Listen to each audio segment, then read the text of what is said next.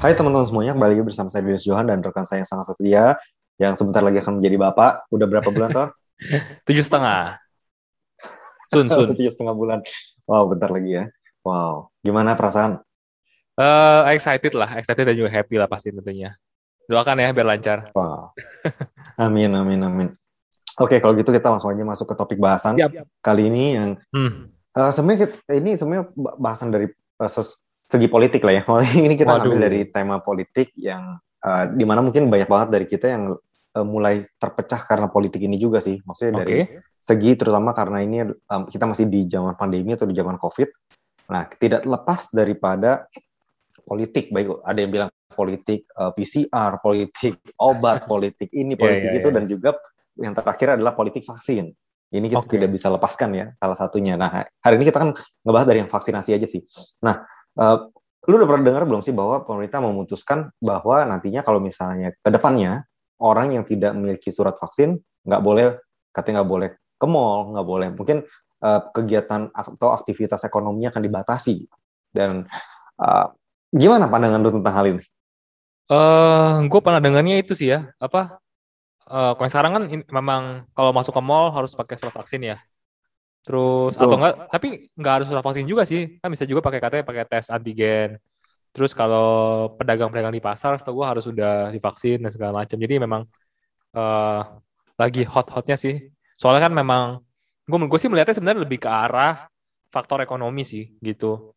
Karena ekonomi harus terus berputar, tapi di satu sisi juga kita nggak bisa mengorbankan sisi kesehatan. Jadi ya dilakukan hal-hal seperti itu sih. Jadi dengan surat vaksin dan segala macam.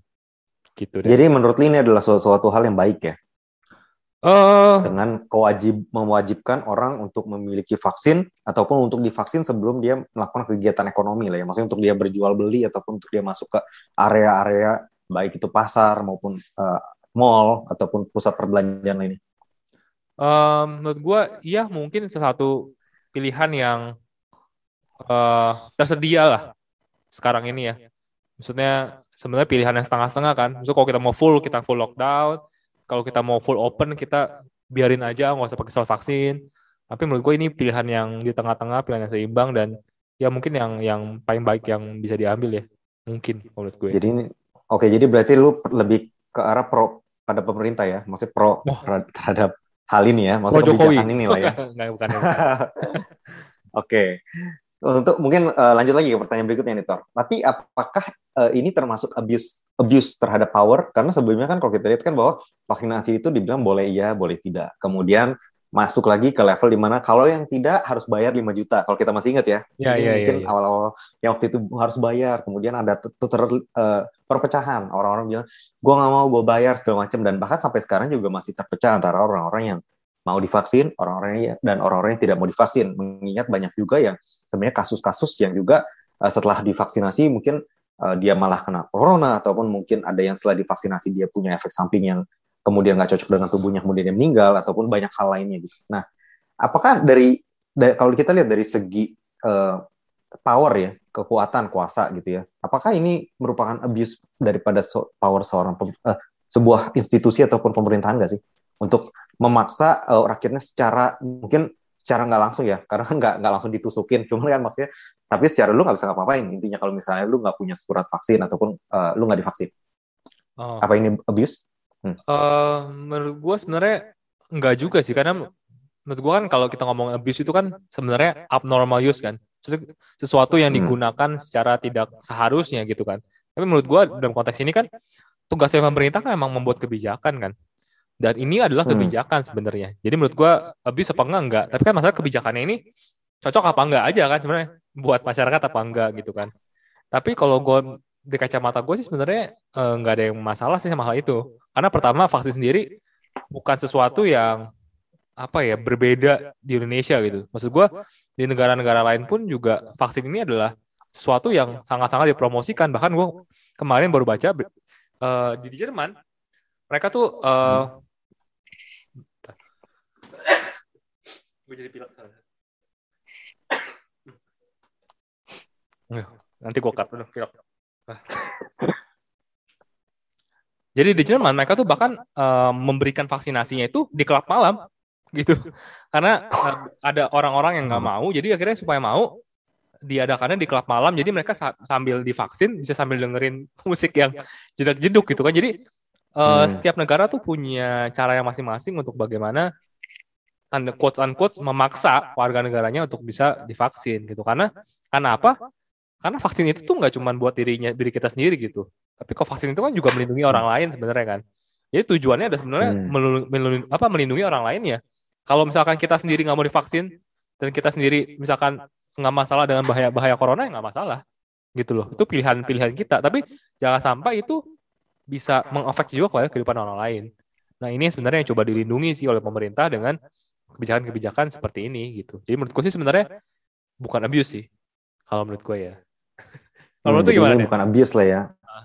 Nah, uh, ya kalau menurut gue ini kayak uh, kayak koin ya, maksudnya ada dua sisi ya. Kita bisa lihat dua sisi sih sebenarnya karena memang di satu sisi pertanyaannya pertanyaan gue adalah apakah benar bahwa vaksin ini bisa menyelesaikan suatu virus gitu maksud gue uh, itu dulu sih maksudnya karena memang kalau memang nggak bisa menyelesaikan juga uh, ya itu maksud gue tuh kenapa harus dipaksakan gitu. Maksud kalau memang nggak bisa diselesaikan dengan cara ini kenapa harus dipaksakan? Dan kalau memang bisa apakah udah ada buktinya? Kalau memang ada virus-virus yang hilang karena vaksinasi gitu. Dan kedua mungkin uh, harus lebih jelas untuk uh, kompensasinya kali ya untuk orang-orang yang setelah disuntik kemudian dia meninggal ataupun setelah disuntik dia mengalami uh, efek samping lah ya setelahnya. Jadi mungkin masyarakat juga lebih aman lebih nyaman lebih comfort lebih percaya gitu sih. Dan mungkin caranya juga dengan harus ada pendekatan-pendekatan tertentu sih untuk membuat masyarakat juga sadar gitu akan uh, keperluan ini. Karena sebenarnya kalau dari awal memang sebenarnya kan uh, kalau misalnya dari awal masyarakatnya juga cukup tertib ataupun disiplin sebenarnya corona ini nggak seriskan itu maksudnya nggak se sehebat itu ya. Karena masalahnya kan justru karena masyarakat ini kita juga susah nggak bisa jaga jarak, masih nggak bisa pakai masker masker aja masih banyak yang harus harus ditilang, harus didenda, harus di masih masuk penjara, maksudnya ini harus dikriminalisasi akan sesuatu yang mudah gitu. Saking kita nggak ada kesadarannya gitu. Jadi kalau menurut gue sih ini yang yang salahnya sebenarnya mungkin bukan dari pemerintah yang harus abuse, tapi ini, ini masyarakatnya memaksa pemerintah abuse karena memang kesadaran daripada masyarakat sendiri kurang. Contohnya pakai masker juga orang masih harus dipaksa-paksa, cuci tangan sendiri segala macam.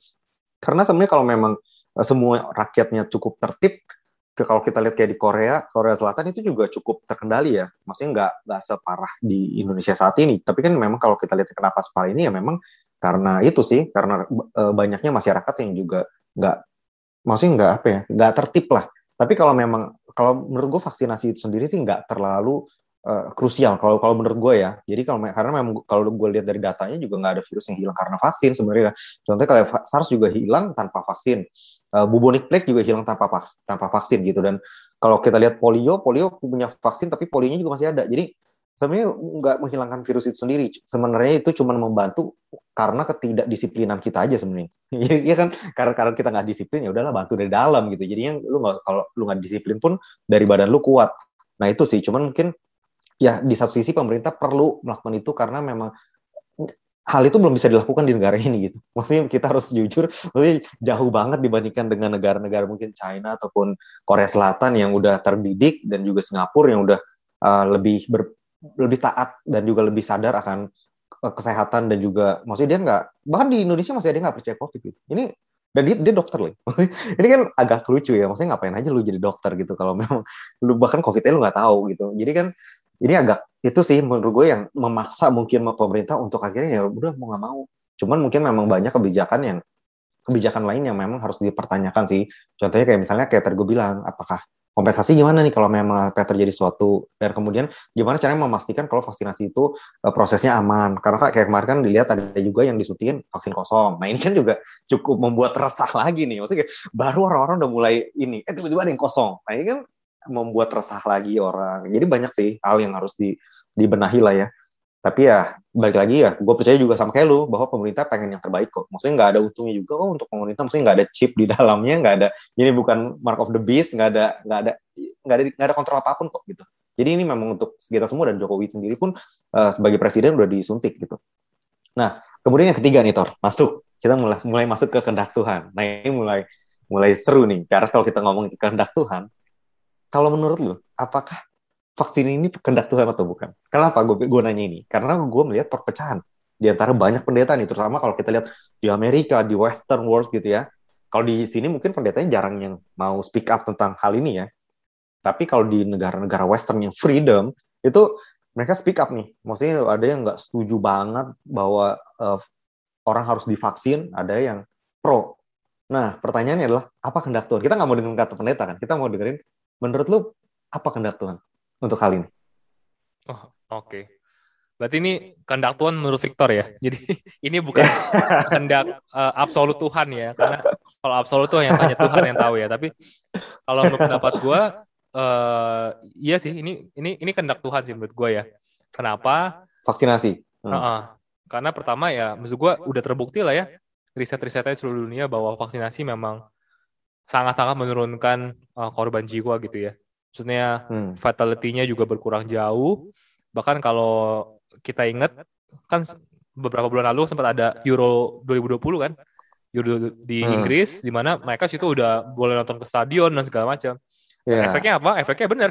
Setelah Euro 2020 naik tuh kasusnya di Inggris. Mereka sempat menyentuh hmm. dua puluh ribu. Cuman kalau lu wow. perhatikan di dua puluh ribu, yang meninggal tuh cuma empat. Bayangin, hmm. bayangin sama Indonesia. Di Indonesia kita tiga puluh ribu, yang meninggal bisa seribuan gitu. Jadi iya, jauh iya. banget kan perbandingannya. Kenapa? Hmm. Karena di hmm. Indonesia yang divaksin masih sedikit, yang di Inggris hmm. yang divaksin udah banyak gitu. Jadi mereka udah hmm. hampir nggak peduli lah. Maksudnya uh, karena menurut mereka ya udah kalau flu kena, lah ya, flu biasa kena, ya, ya. Ya kecil banget kemungkinan meninggal karena mereka udah punya imun tubuh kan. Jadi menurut gua hmm. uh, dan gue percaya bahwa ya kehendak Tuhan itu kan untuk mendatangkan kebaikan buat kita kan. Nah menurut gua hmm. Hmm. yes yes walaupun gue setuju bahwa ya kehidupan kita nggak nggak berhenti sampai di bumi ini ya jadi maksudnya artinya hmm. kalau kalau mati itu bukan kehendak Tuhan ya nggak juga gitu kan. Bahwa ya hmm. uh, toh kita kan sebagai orang Kristen kita percaya bahwa kita kalau kita mati kita ke surga juga gitu. Tapi menurut gua adalah hmm. uh, Tuhan juga pasti ada melakukan sesuatu dong gitu loh. Karena gua, kita, karena kita pernah hmm. diskusi juga kan, kan kita percaya bahwa COVID ini bukan dari Tuhan gitu kan, dari si hmm. iblis kan, gitu. Jadi gue percaya bahwa pasti Tuhan juga memberikan apa ya sedikit jalan keluar, sedikit titik terang lah ya buat kita semua hmm. sehingga kita tuh nggak berada dalam suatu musim yang desperate gitu seakan-akan nggak ada jalan keluar gitu. Jadi menurut gue ya hmm. salah satu jalan keluar yang ada sekarang adalah vaksin gitu. Dan hmm. terkait perdebat perdebatannya dengan di luar negeri itu mah itu udah berlangsung lama ya walaupun kalau kita tarik uh, mungkin konteksnya agak beda ya. Sudah di zaman dulu kan hmm. memang udah ada omongan lah ya obat sama kesembuhan dari, hmm. dari pendeta gitu. Kalau sakit ke ke gereja dulu, ke pendeta dulu atau ke rumah sakit dulu gitu kan. Hmm. Banyak yang bilang mah kalau beriman mah nggak usah ke rumah sakit, nggak usah minum obat dan segala macam. Hmm. Jadi memang uh, apa dari dulu perdebatan itu akan selalu ada sih dan memang akhirnya masuk ke ranah vaksin. Cuman kalau buat gue sendiri ya, hmm. uh, vaksin itu masuk salah satu kehendak Tuhan sih. Karena itu adalah hal yang hmm. baik dan hal yang bermanfaat buat manusia sih. Itu kalau dari gue deh. Hmm. Hmm, kalau lu apa lu kontra nih? gue bagian kontranya ya. Nggak, tapi gue tuh tidak menolak vaksin loh. Ini seakan-akan gue kayak menolak vaksin ya. Tapi gue hanya lebih setuju pada obat. Maksudnya daripada mencari vaksin, lebih baik mencari obat kalau menurut gue ya. Uh, karena vaksin itu biasanya uh, punya efek samping yang kita nggak ketahui nantinya gitu. Maksudnya memang, karena ini kan juga semua masih percobaan ya. Nah, ini yang, karena kan bedanya adalah kalau obat kan masuk ke dalam perut. Kalau vaksinnya masuk ke dalam darah. Ini yang sebenarnya yang yang gue concern. Tapi gue, bukannya gue kontra loh. Maksudnya kalau gue nanti ujungnya pasti kalau memang udah saatnya divaksin juga gitu cuman ya maksud gue gue belum divaksin karena memang udah kena kan jadi maksud gue kalau dari kehendak Tuhan atau bukan kalau menurut gue sih gue sifatnya sih lumayan uh, bel kayak gue gue percaya bahwa uh, Tuhan itu memberikan jalan keluar berdasarkan uh, iman masing-masing sih maksudnya kayak uh, ini gue percaya ya yang gue percaya adalah bahwa ya, dua-dua pendeta ini bisa benar gitu karena Tuhan itu kan sering kali bekerja sesuai dengan imanmu kan maksudnya sesuai dengan iman seseorang gitu. Jadi memang kalau menurut gue kalau memang ada orang yang memang dia beriman percaya bahwa Tuhan bisa menyembuhkan dan banyak biasanya banyak orang-orang kayak gitu tuh contohnya orang-orang yang memang masuk ke ministry healing. Contoh kayak John Gillette segala macam uh, termasuk kayak Smith Wigglesworth orang-orang yang memang punya gift ataupun karunia words of miracles ataupun uh, gift of healing itu memang mereka akan 100% biasanya larinya ke Tuhan. Cuman memang ada juga orang yang punya gift of healing plus dia juga percaya dengan obat. Contohnya kayak orang Robert, maksudnya dia juga punya karunia healing, tapi dia juga percaya dengan obat-obatan gitu. Dia percaya bahwa Tuhan mampu dengan obat ini bisa penyembuhan lebih cepat.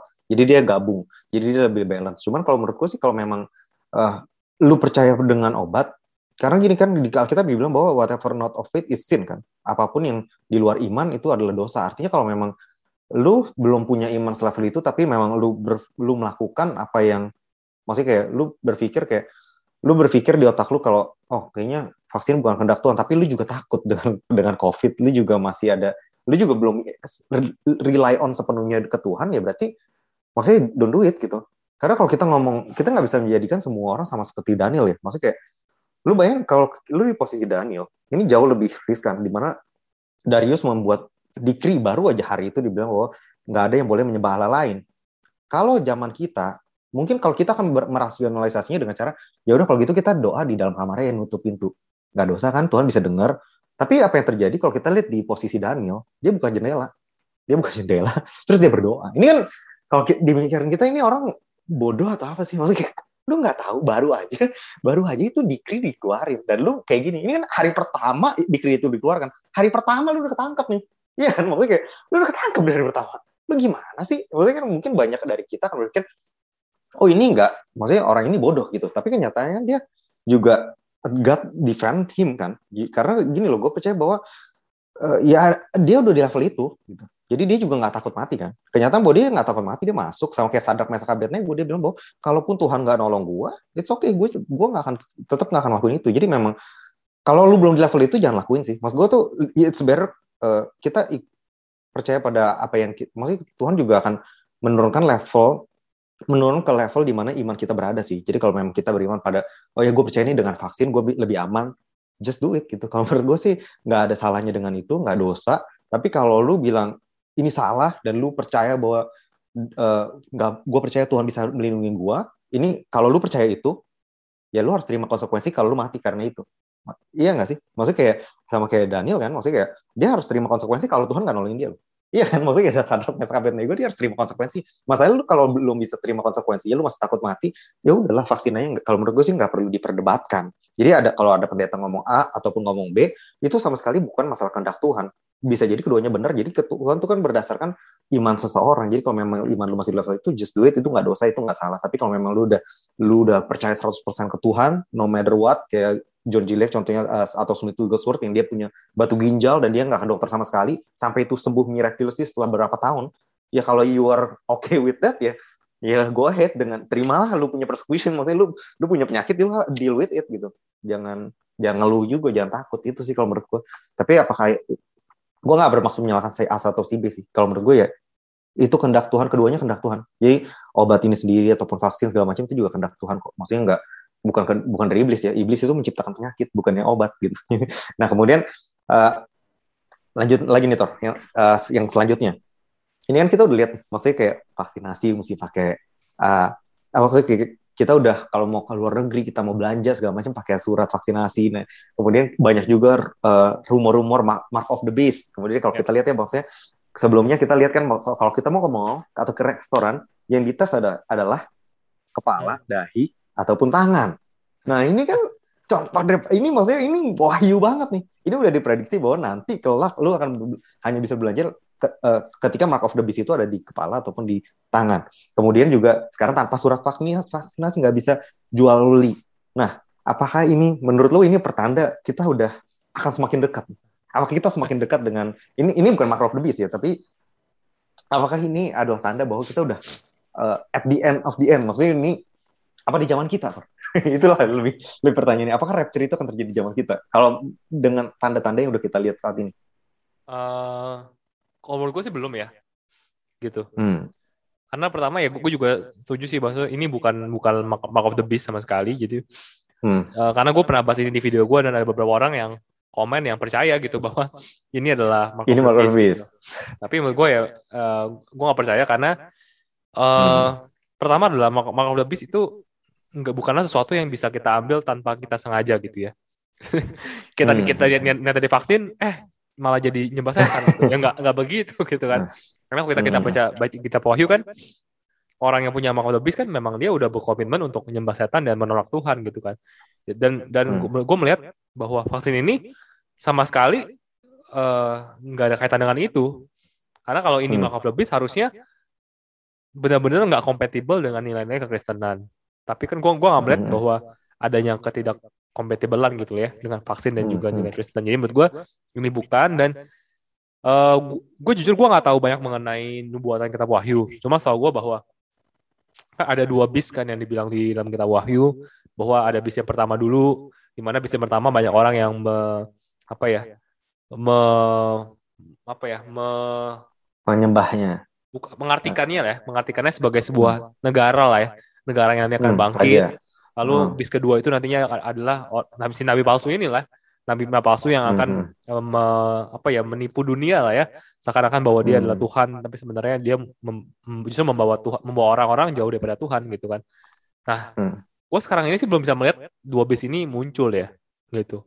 hmm. Jadi eh, mungkin ada beberapa similarity ya, kayak lu bilang tadi bahwa eh, scan di da- apa dahi, tangan, ya mungkin ini Atau bisa tangan. menjadi sebuah gambaran aja, tapi Hmm. bukan bukan artinya bahwa eh, masa akhir itu atau end times itu bakal datang segera sih, karena gue nggak melihat ada tanda-tanda eh, bis bis yang di kitab Wahyu muncul sih, gitu. Hmm. Ini sih menurut gue Den. Hmm. Kalau lu gimana see, sebagai see. ahli kitab Wahyu? Nggak sebu gue bukan ahli kita wahyu, cuman maksud gue kalau memang eh, ini gue percaya bahwa kalau rapture itu sebenarnya nggak ada patokan waktu untuk kapan rapture itu bisa terjadi sih. Jadi memang bisa nggak terjadi hari ini atau besok itu bisa aja gitu. Karena untuk rapture tidak ada, tapi memang kalau untuk masuk ke masa tribulation itu ada. Masuk ke tribulation kan kayak udah bilang ada uh, four horsemen dulu baru bisa keluar dan kalau memang banyak juga yang udah mengartikan uh, termasuk yang kita pernah bahas di awal-awal yang gue bilang corona ya Revelation tentang corona itu juga ada di Revelation 6 itu baru first white horse itu baru itu baru yang pertama gitu maksudnya masih ada kedua tiga empat kalau memang pun itu benar masih ada masih lamaan maksudnya ini masih first white horse saja belum kelar kelar gitu. Maksudnya masih ada banyak sih masih dua tiga empat. Kemudian juga masih harus ada untuk antikris berada di tengah temple dia tempelnya harus ada dulu dong. Namanya tertempel kan. Itu juga belum ada. ESKL 38 juga belum ada. Yang eh, bagian utara kemungkinan besar kayak Rusia atau Turki nyerang Israel itu juga belum. Jadi banyak yang masih belum sih. Jadi kalau ini yang gue percaya adalah ini memang awal. Ini awal daripada akhir. Tapi buk- bukanlah apakah kita akan apa selesai tiba-tiba nggak mungkin sih. Maksudnya banyak hal yang memang harus terjadi sebelum tiba-tiba cuman emang kalau rapture ya kayak gue bilang bahwa rapture itu kan nggak ada timeline secara spesifik nih kapan itu harus terjadi. Jadi banyak pendeta juga akhirnya ya rapture itu bisa terjadi hari ini sebenarnya. Jadi jadi kalau lu tanya rapture ya tapi kalau tujuh tahun masa kesulitan itu ada secara spesifik itu nggak mungkin terjadi di paling tidak 10 tahun ke, ke depan itu nggak akan terjadi sih karena memang itu masih lama dan gue setuju dengan Victor bahwa ini memang cuma awal mula untuk membiasakan manusia eh, kayak udah kebiasa kan lama-lama kayak ada scan di dahi di ini untuk membiasakan sih. Ini untuk membiasakan manusia ke depannya nanti kayak gitu. Akan terjadi seperti itu dan manusia udah dikondisikan untuk eh, terbiasa dengan hal ini. Kalau nanti lu mau belanja mesti ada QR code, mesti ada ini bar barcode segala macam. Kita akan diidentifikasi dari barcode kan itu udah dari zaman dulu banget nggak sih dari zaman kita sekolah udah sering dibilang nanti ada barcode segala macam dan kita udah alami saat ini. Tapi belum belum ini belum akhir ini cuma karena untuk orang bisa masuk ke zaman akhir itu biasanya dia harus mengkondisikan orang-orang dulu. Karena kalau kayak sekarang, dia tuh divaksinnya susah banget kan. Masih keras kepala kan. Ini generasi-generasi ini harus hilang dulu sebenarnya. Kalau kayak orang yang masuk ke tanah perjanjian tuh generasi tuanya mati dulu kan. Maksudnya yang atas dulu yang coronanya juga ngebunuh generasi tua kan. Maksudnya ya, ya itu yang harus di memang itu yang harus terjadi. Maksudnya memang dia harus disingkirkan untuk kemudian masuk ke generasi-generasi yang muda. Mungkin bagian nanti anak Victor yang kemudian dia udah terbiasa dengan semua ini, udah terbiasa dengan hal-hal baik suntik, vaksinasi, digital, AI dan segala sesuatunya lah. Dan juga kalau kita lihat kan terakhir kali kita bahas bahwa Cina pengen membangkitkan orang mati. Nah mungkin kelak itu akan menjadi sesuatu yang biasa aja lah, maksudnya nggak nggak blasfemi, nggak apa gitu, maksudnya itu cuma normal-normal aja, itu cuma cloning biasa. Dan itu sih kalau gue percaya ini adalah pengkondisian, ini memang cara iblis untuk mengkondisikan manusia untuk terbiasa dengan hal itu sampai ke titik di mana kita berpikir itu udah hal biasa aja gitu. Gitu. Dan gue bersetuju banget dengan Betul, betul. Victor bahwa Mark of the Beast itu nggak bisa, lu tiba-tiba kena dan lu tiba-tiba nggak bisa masuk surga itu ini bullshit man. maksudnya kayak berarti Tuhan meniadakan free will orang dong kalau kayak gitu itu nggak nggak bisa. Karena untuk lu masuk ke neraka karena mark of the beast orang tersebut harus menyembah gitu. Jadi lu harus worship juga bukan cuman have the mark of the beast tapi juga lu worship the beast gitu. Maksudnya nggak cuman lu have it. Jadi kalau ada gue percaya kalau ada orang-orang yang kayak misalnya amit-amit tiba-tiba kita disuntik ataupun kita dikasih chip mark of the beast nih nah, kalau kita nggak mau tapi kita dibius tiba-tiba itu punya itu Tuhan akan tetap mengangkat kita. Karena itu nggak kalau menurut gue itu nggak valid gitu. Iya, iya. nggak valid nggak ada sama kayak orang Kristen nggak tiba-tiba dia selamat. Dia harus percaya. Dia datang ke gereja nggak membuat dia selamat. Nah sama Betul. juga dengan mark of the beast. Lu punya mark itu kalau lu nggak menyembahnya kalau lu nggak percaya lu tiba-tiba dibius lu terkena itu udah out of your free will dan itu invalid. Kalau menurut gue sih gitu ya. Iya, iya. dan jadi nggak perlu takut ya dengan vaksin gitu. Dan untuk rapture juga untuk orang-orang yang takut sih masih most likely masih nggak akan terjadi sampai 10 tahun ke depan. Kemudian yang terakhir nih gimana caranya kita menjadi terang nih Tor di tengah pandemi yang kali ini kan benar-benar mem- membuat kita semua banyak kan lock- lockdownnya. Dan banyak juga yang eh, berbicara kemudian apakah kita maksudnya apakah eh, kekristenan udah mulai kehilangan powernya untuk menyembuhkan? Ataukah maksudnya kalau kita lihat apakah what will Jesus do? Maksudnya apa yang Yesus akan lakukan? Apa dia juga akan di lockdown? Atau dia akan tumpang tangan?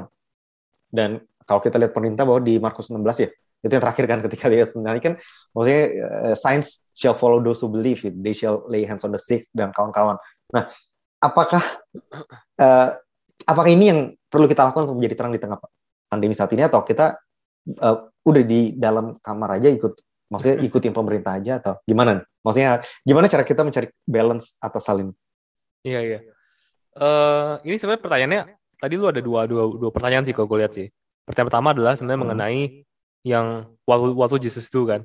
Maksudnya iya kalau Yesus kalau sekarang Jesus tuh di posisi di zaman sekarang dia ngapain gitu kan. Dia kalau dia ada di sini saat ini iya dia menyembah dia nyuruh orang untuk menyembuhkan secara karunia roh aja atau divaksin gitu kan. Dan yang kedua adalah sebenarnya mengenai kita. Nah, kita terus ngapain gitu kan. Nah, kalau yang untuk Yesus sih menurut gua ini pandangan gue ya. Pandangan gue sebagai orang yang yang apa ya? Eh cukup yang- dekat dengan Tuhan lah bukan bukan maksudnya yang tidak terlalu Enggak. konservatif lah ya gue bisa bilang gitu ya Hmm. bahwa gue sih melihat bahwa sebenarnya Tuhan itu selalu bekerja mengik apa ya nilai Tuhan tuh selalu sama tapi dia selalu bekerja dalam konteks eh, budaya yang berbeda-beda gitu maksud gue dan kalau Hmm, memang kita lihat memang misalkan di zaman dulu tapi Yesus menye- menyembuhkan semua orang gitu kan menyembuhkan semua orang yang ditemui disembuhkan disembuhkan gitu tapi kan itu kan Hmm, hmm, hmm. multi konteks ya. Konteks pertama adalah untuk membuktikan bahwa dia adalah Mesias bagi orang Israel. Jadi ya terus, terus ya kedua adalah ya karena dia Yesus gitu kan, dia Tuhan gitu kan. Dan sekarang nggak ada Tuhan gitu kan, istilahnya eh, pendeta-pendeta Hmm. doang, itu bukan Tuhan gitu kan. Dan jadi dan pada waktu itu juga nggak ada obat gitu kan. Jadi maksudnya Hmm. obat ada, tapi kan nggak ada obat yang secanggih dengan teknologi sekarang kan. Jadi Yesus juga nggak mungkin dulu bilang, oh kamu cuma sakit pilek, coba kamu beli, beli di apotek kan nggak nggak ada nggak mungkin kayak gitu juga kan.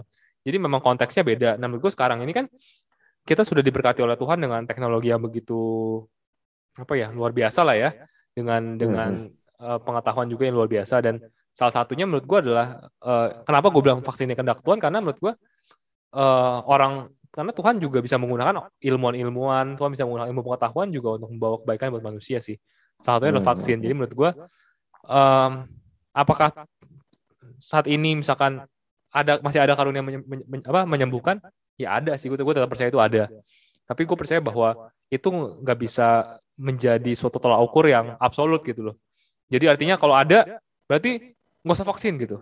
Semuanya pergi ke, pergi, ke pendeta masing-masing minta disembuhkan kalau kena corona. Nggak bisa gitu juga gitu loh. Karena eh, menurut gue Tuhan juga bekerja melalui vaksin vaksin. Jadi menurut gue ya selama kita bisa divaksin ya kita divaksin. Tapi ya di satu, di satu sisi ya juga karena kan vaksin sendiri pun juga nggak nggak membuat kita imun terhadap corona kan kita tetap bisa kena kan gitu. Hmm. jadi menurut gue ya sama kita divaksin ya tapi kalau di sisi kita masih mau tetap apa eh minta minta kesembuhan atau juga berdoa sama Tuhan minta kesembuhan ya nggak masalah sama sekali sih. Karena gue melihat banyak banget kok orang-orang yang misalkan kena kanker gitu ya. Ya dia disembuhkan karena itu kerja, apa ya kerjasama antara obat dan juga eh, Tuhan gitu. Dan menurut gue ini bukan sesuatu yang Hmm. berlawanan sih. Karena obat itu kan juga dari Tuhan gitu obat itu obat itu dari Tuhan pendeta itu dari Tuhan kesembuhan dari Tuhan jadi semua itu dari Tuhan cuman caranya cara datangnya berbeda-beda. Itu sih. Terus kalau andaikan apa yang perlu kita lakukan sebagai orang Kristen sih menurut gue pertama adalah ya pertama buat diri kita sendiri dulu kali ya menurut gue karena menurut gue gue sih gue sih mau ngomong bahwa ya kita sebagai orang Kristen kita harus ngebantu orang lain kita harus memberikan dukungan moral dukungan finansial. Gue yakin itu semua orang udah tahu lah ya. Tapi menurut gue uh, sebelum itu maksud gue kita perlu cek ke diri kita sendiri gitu maksud gue selama pandemi ini kita sendiri gimana gitu?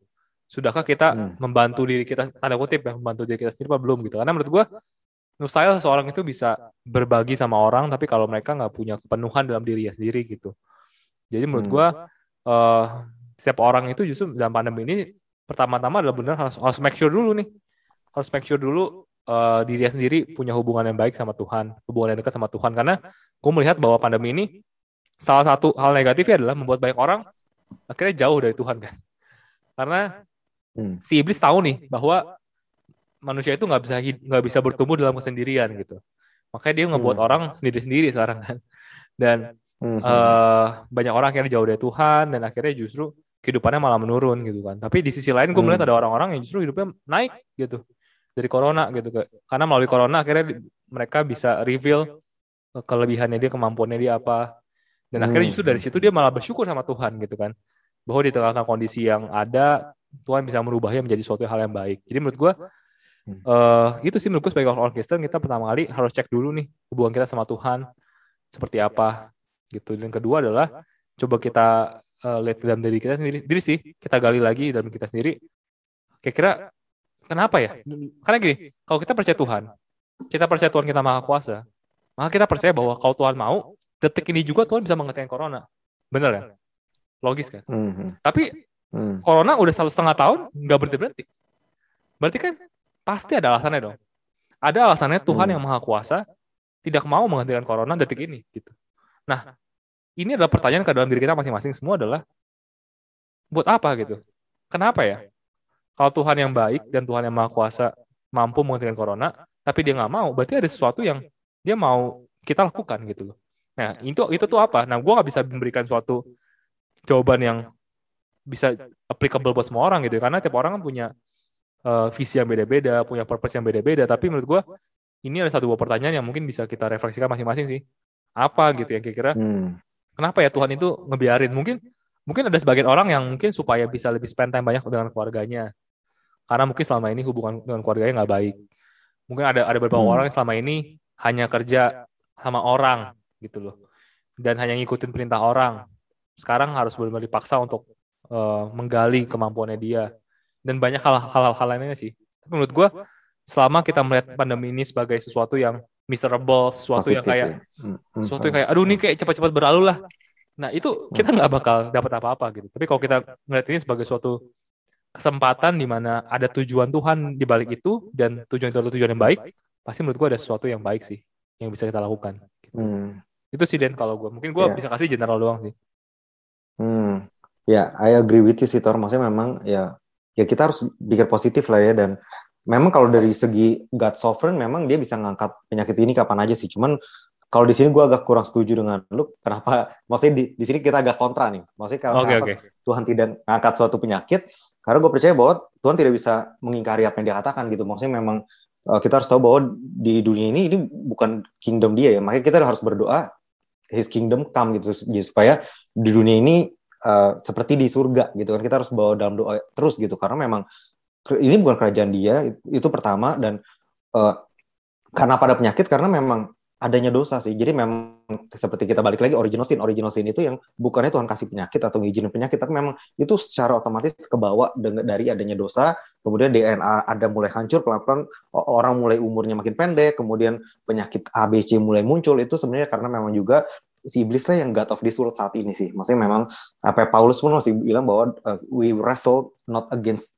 blood and flesh tapi against principalities powers and rulers of the uh, darkness in the heavenly places. Jadi memang uh, itulah gitu pekerjaan dia. Jadi memang kenapa kalau uh, kenapa gue kurang setuju kalau memang kita bilang bahwa Tuhan bisa ngangkat ini? Karena memang pertama dia bisa ngangkat. Gue setuju itu.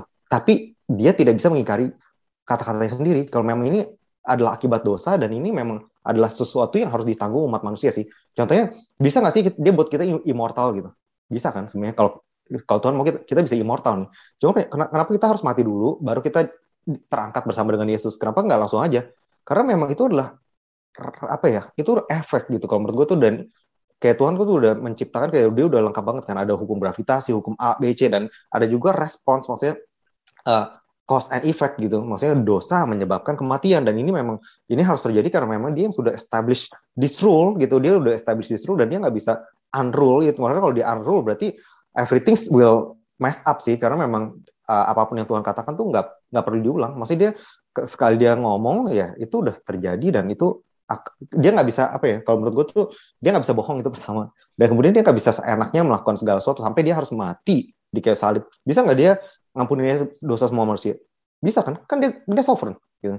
Tapi kenapa dia harus sampai mati gitu? Karena gue percaya bahwa dia dia punya integritas di mana dia ya dia tahu gimana cara mainnya gitu. Gue percaya ada ada peraturan sih in the kingdom. Dan kayak di situ gue kurang setuju kalau memang kita, kita bilang bahwa tapi gue setuju bahwa God can make good out of everything. Jadi kalau gue juga setuju dengan Victor bahwa di tengah pandemi ini kita harus percaya kalau Tuhan tuh bisa mengeluarkan apa pun good uh, in spite of gitu. Jadi kayak Yusuf kalau kita lihat ya Yusuf itu kan dibuang, dibuang di Potifar dia jadi leader. Dia belajar leadership di sana. Kemudian dia belajar caranya menolak godaan ataupun tantangan sehingga ketika dia jadi raja dia nggak lagi takut korupsi segala macam karena memang dia udah uh, udah punya mental, dia udah punya iron, dia tuh punya besi di dalam hatinya. Jadi dia udah punya mental baja untuk untuk bisa ngelawan segala macam temptation dan juga untuk bisa memiliki leadership skill. Nah, itu gue percaya sih bahwa memang kalau kita mau melihat uh, adanya Tuhan di, di dalam kehidupan kita, maka kita percaya bahwa dia bisa makes everything good gitu. Jadi in spite of apa pun yang terjadi. Cuman kalau gue percaya juga kalau memang Yesus ada di sini, gue setuju bahwa dia bisa menyembuhkan siapa pun. Tapi yang lebih gue uh, tekankan mungkin lebih dari kitanya. Pertanyaannya adalah Yesus hanya menyembuhkan orang yang datang ke dia. Dia nggak dia nggak menghilangkan penyakit di Israel. Dia menyembuhkan orang yang datang ke dia. Nah, pertanyaannya kita udah datang ke Tuhan belum? Gitu. Maksudnya di saat ini kita udah datang ke Tuhan belum? Karena andai kalau kita ngebayangin Yesus ada di sini, dia kita nggak bisa berharap dia datang ke rumah kita tiba-tiba gitu. Kita yang harus orang-orang yang butuh kesembuhan dia ngejar Yesus gitu, bukan tiba-tiba Yesus oh iya satu-satu ya disembuhin. Bisa nggak dia ngangkat semua penyakit? Bisa. Tapi kenapa nggak dilakuin? Karena memang harus ada ini yang namanya grace and faith. Grace itu adalah bagian Tuhan, baik itu menyembuhkan segala macam. Faith adalah bagian kita kan. Nah bagian kita adalah untuk uh, untuk mendekat pada dia, untuk meminta pada dia, untuk percaya pada dia sih. Itu gue percaya dan kalau masalah tumpang tangan atau tidak, balik lagi sih kalau itu, gue percaya bahwa uh, zaman dulu Tuhan bisa menyembuhkan juga dari nggak harus tumpang tangan sih. Dia bisa ngomong dan itu juga sembuh kan. Jadi artinya kita juga untuk uh, kita juga bisa berdoa dan orang itu juga bisa sembuh gitu. Nggak harus kitanya tumpang tangan gitu. Jadi memang apalagi di zaman sekarang ya udah semua Zoom kita udah bisa terhubung meskipun jauh ya berarti sebenarnya uh, kayak kata Victor sih, maksudnya kayak kata lu bener banget bahwa ya dia kan menyesuaikan dengan culture yang ada kan. Maksudnya udah online sekarang, maksudnya kalau zaman dulu nggak ada mobil, dia naik donkey gitu ya.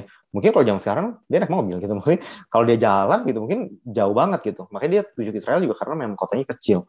Nah mungkin itu aja sih yang pengen gue tekankan ya. Dan feel free untuk kalian yang bisa mungkin lebih setuju dengan pendapat A, pendapat B karena kita di sini bukan untuk berpikir sama tapi untuk sama-sama berpikir ya. Yeah. Itu yeah. kata moto Victor yang pertama. Jadi kita nggak untuk kita nggak di sini untuk membuat kalian sama punya pikiran yang sama dengan kita tapi untuk sama-sama berpikir aja dan hopefully bisa berkati kalian semua karena kita udah cukup panjang kita tutup yeah. sampai di sini aja.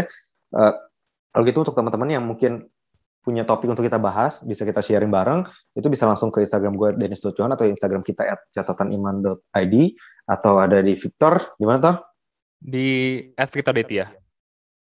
Ada di Victor Detia ataupun ada di YouTube Perisa Iman bisa langsung di komen, di chat dan ditanya apa pun tentang apologetics ataupun Bible study kepada Bapak Victor ini satu. Oke kalau gitu sampai ketemu minggu depan. Mudah-mudahan kalian senantiasa diberkati Tuhan di dalam perlindungan Tuhan, jauh dari virus dan juga stay safe whatever uh, dan kita percaya bahwa dalam hal apa pun Tuhan tetap bekerja dalam kehidupan teman-teman. Oke, kalau gitu sampai ketemu minggu depan. See you and God bless. God bless.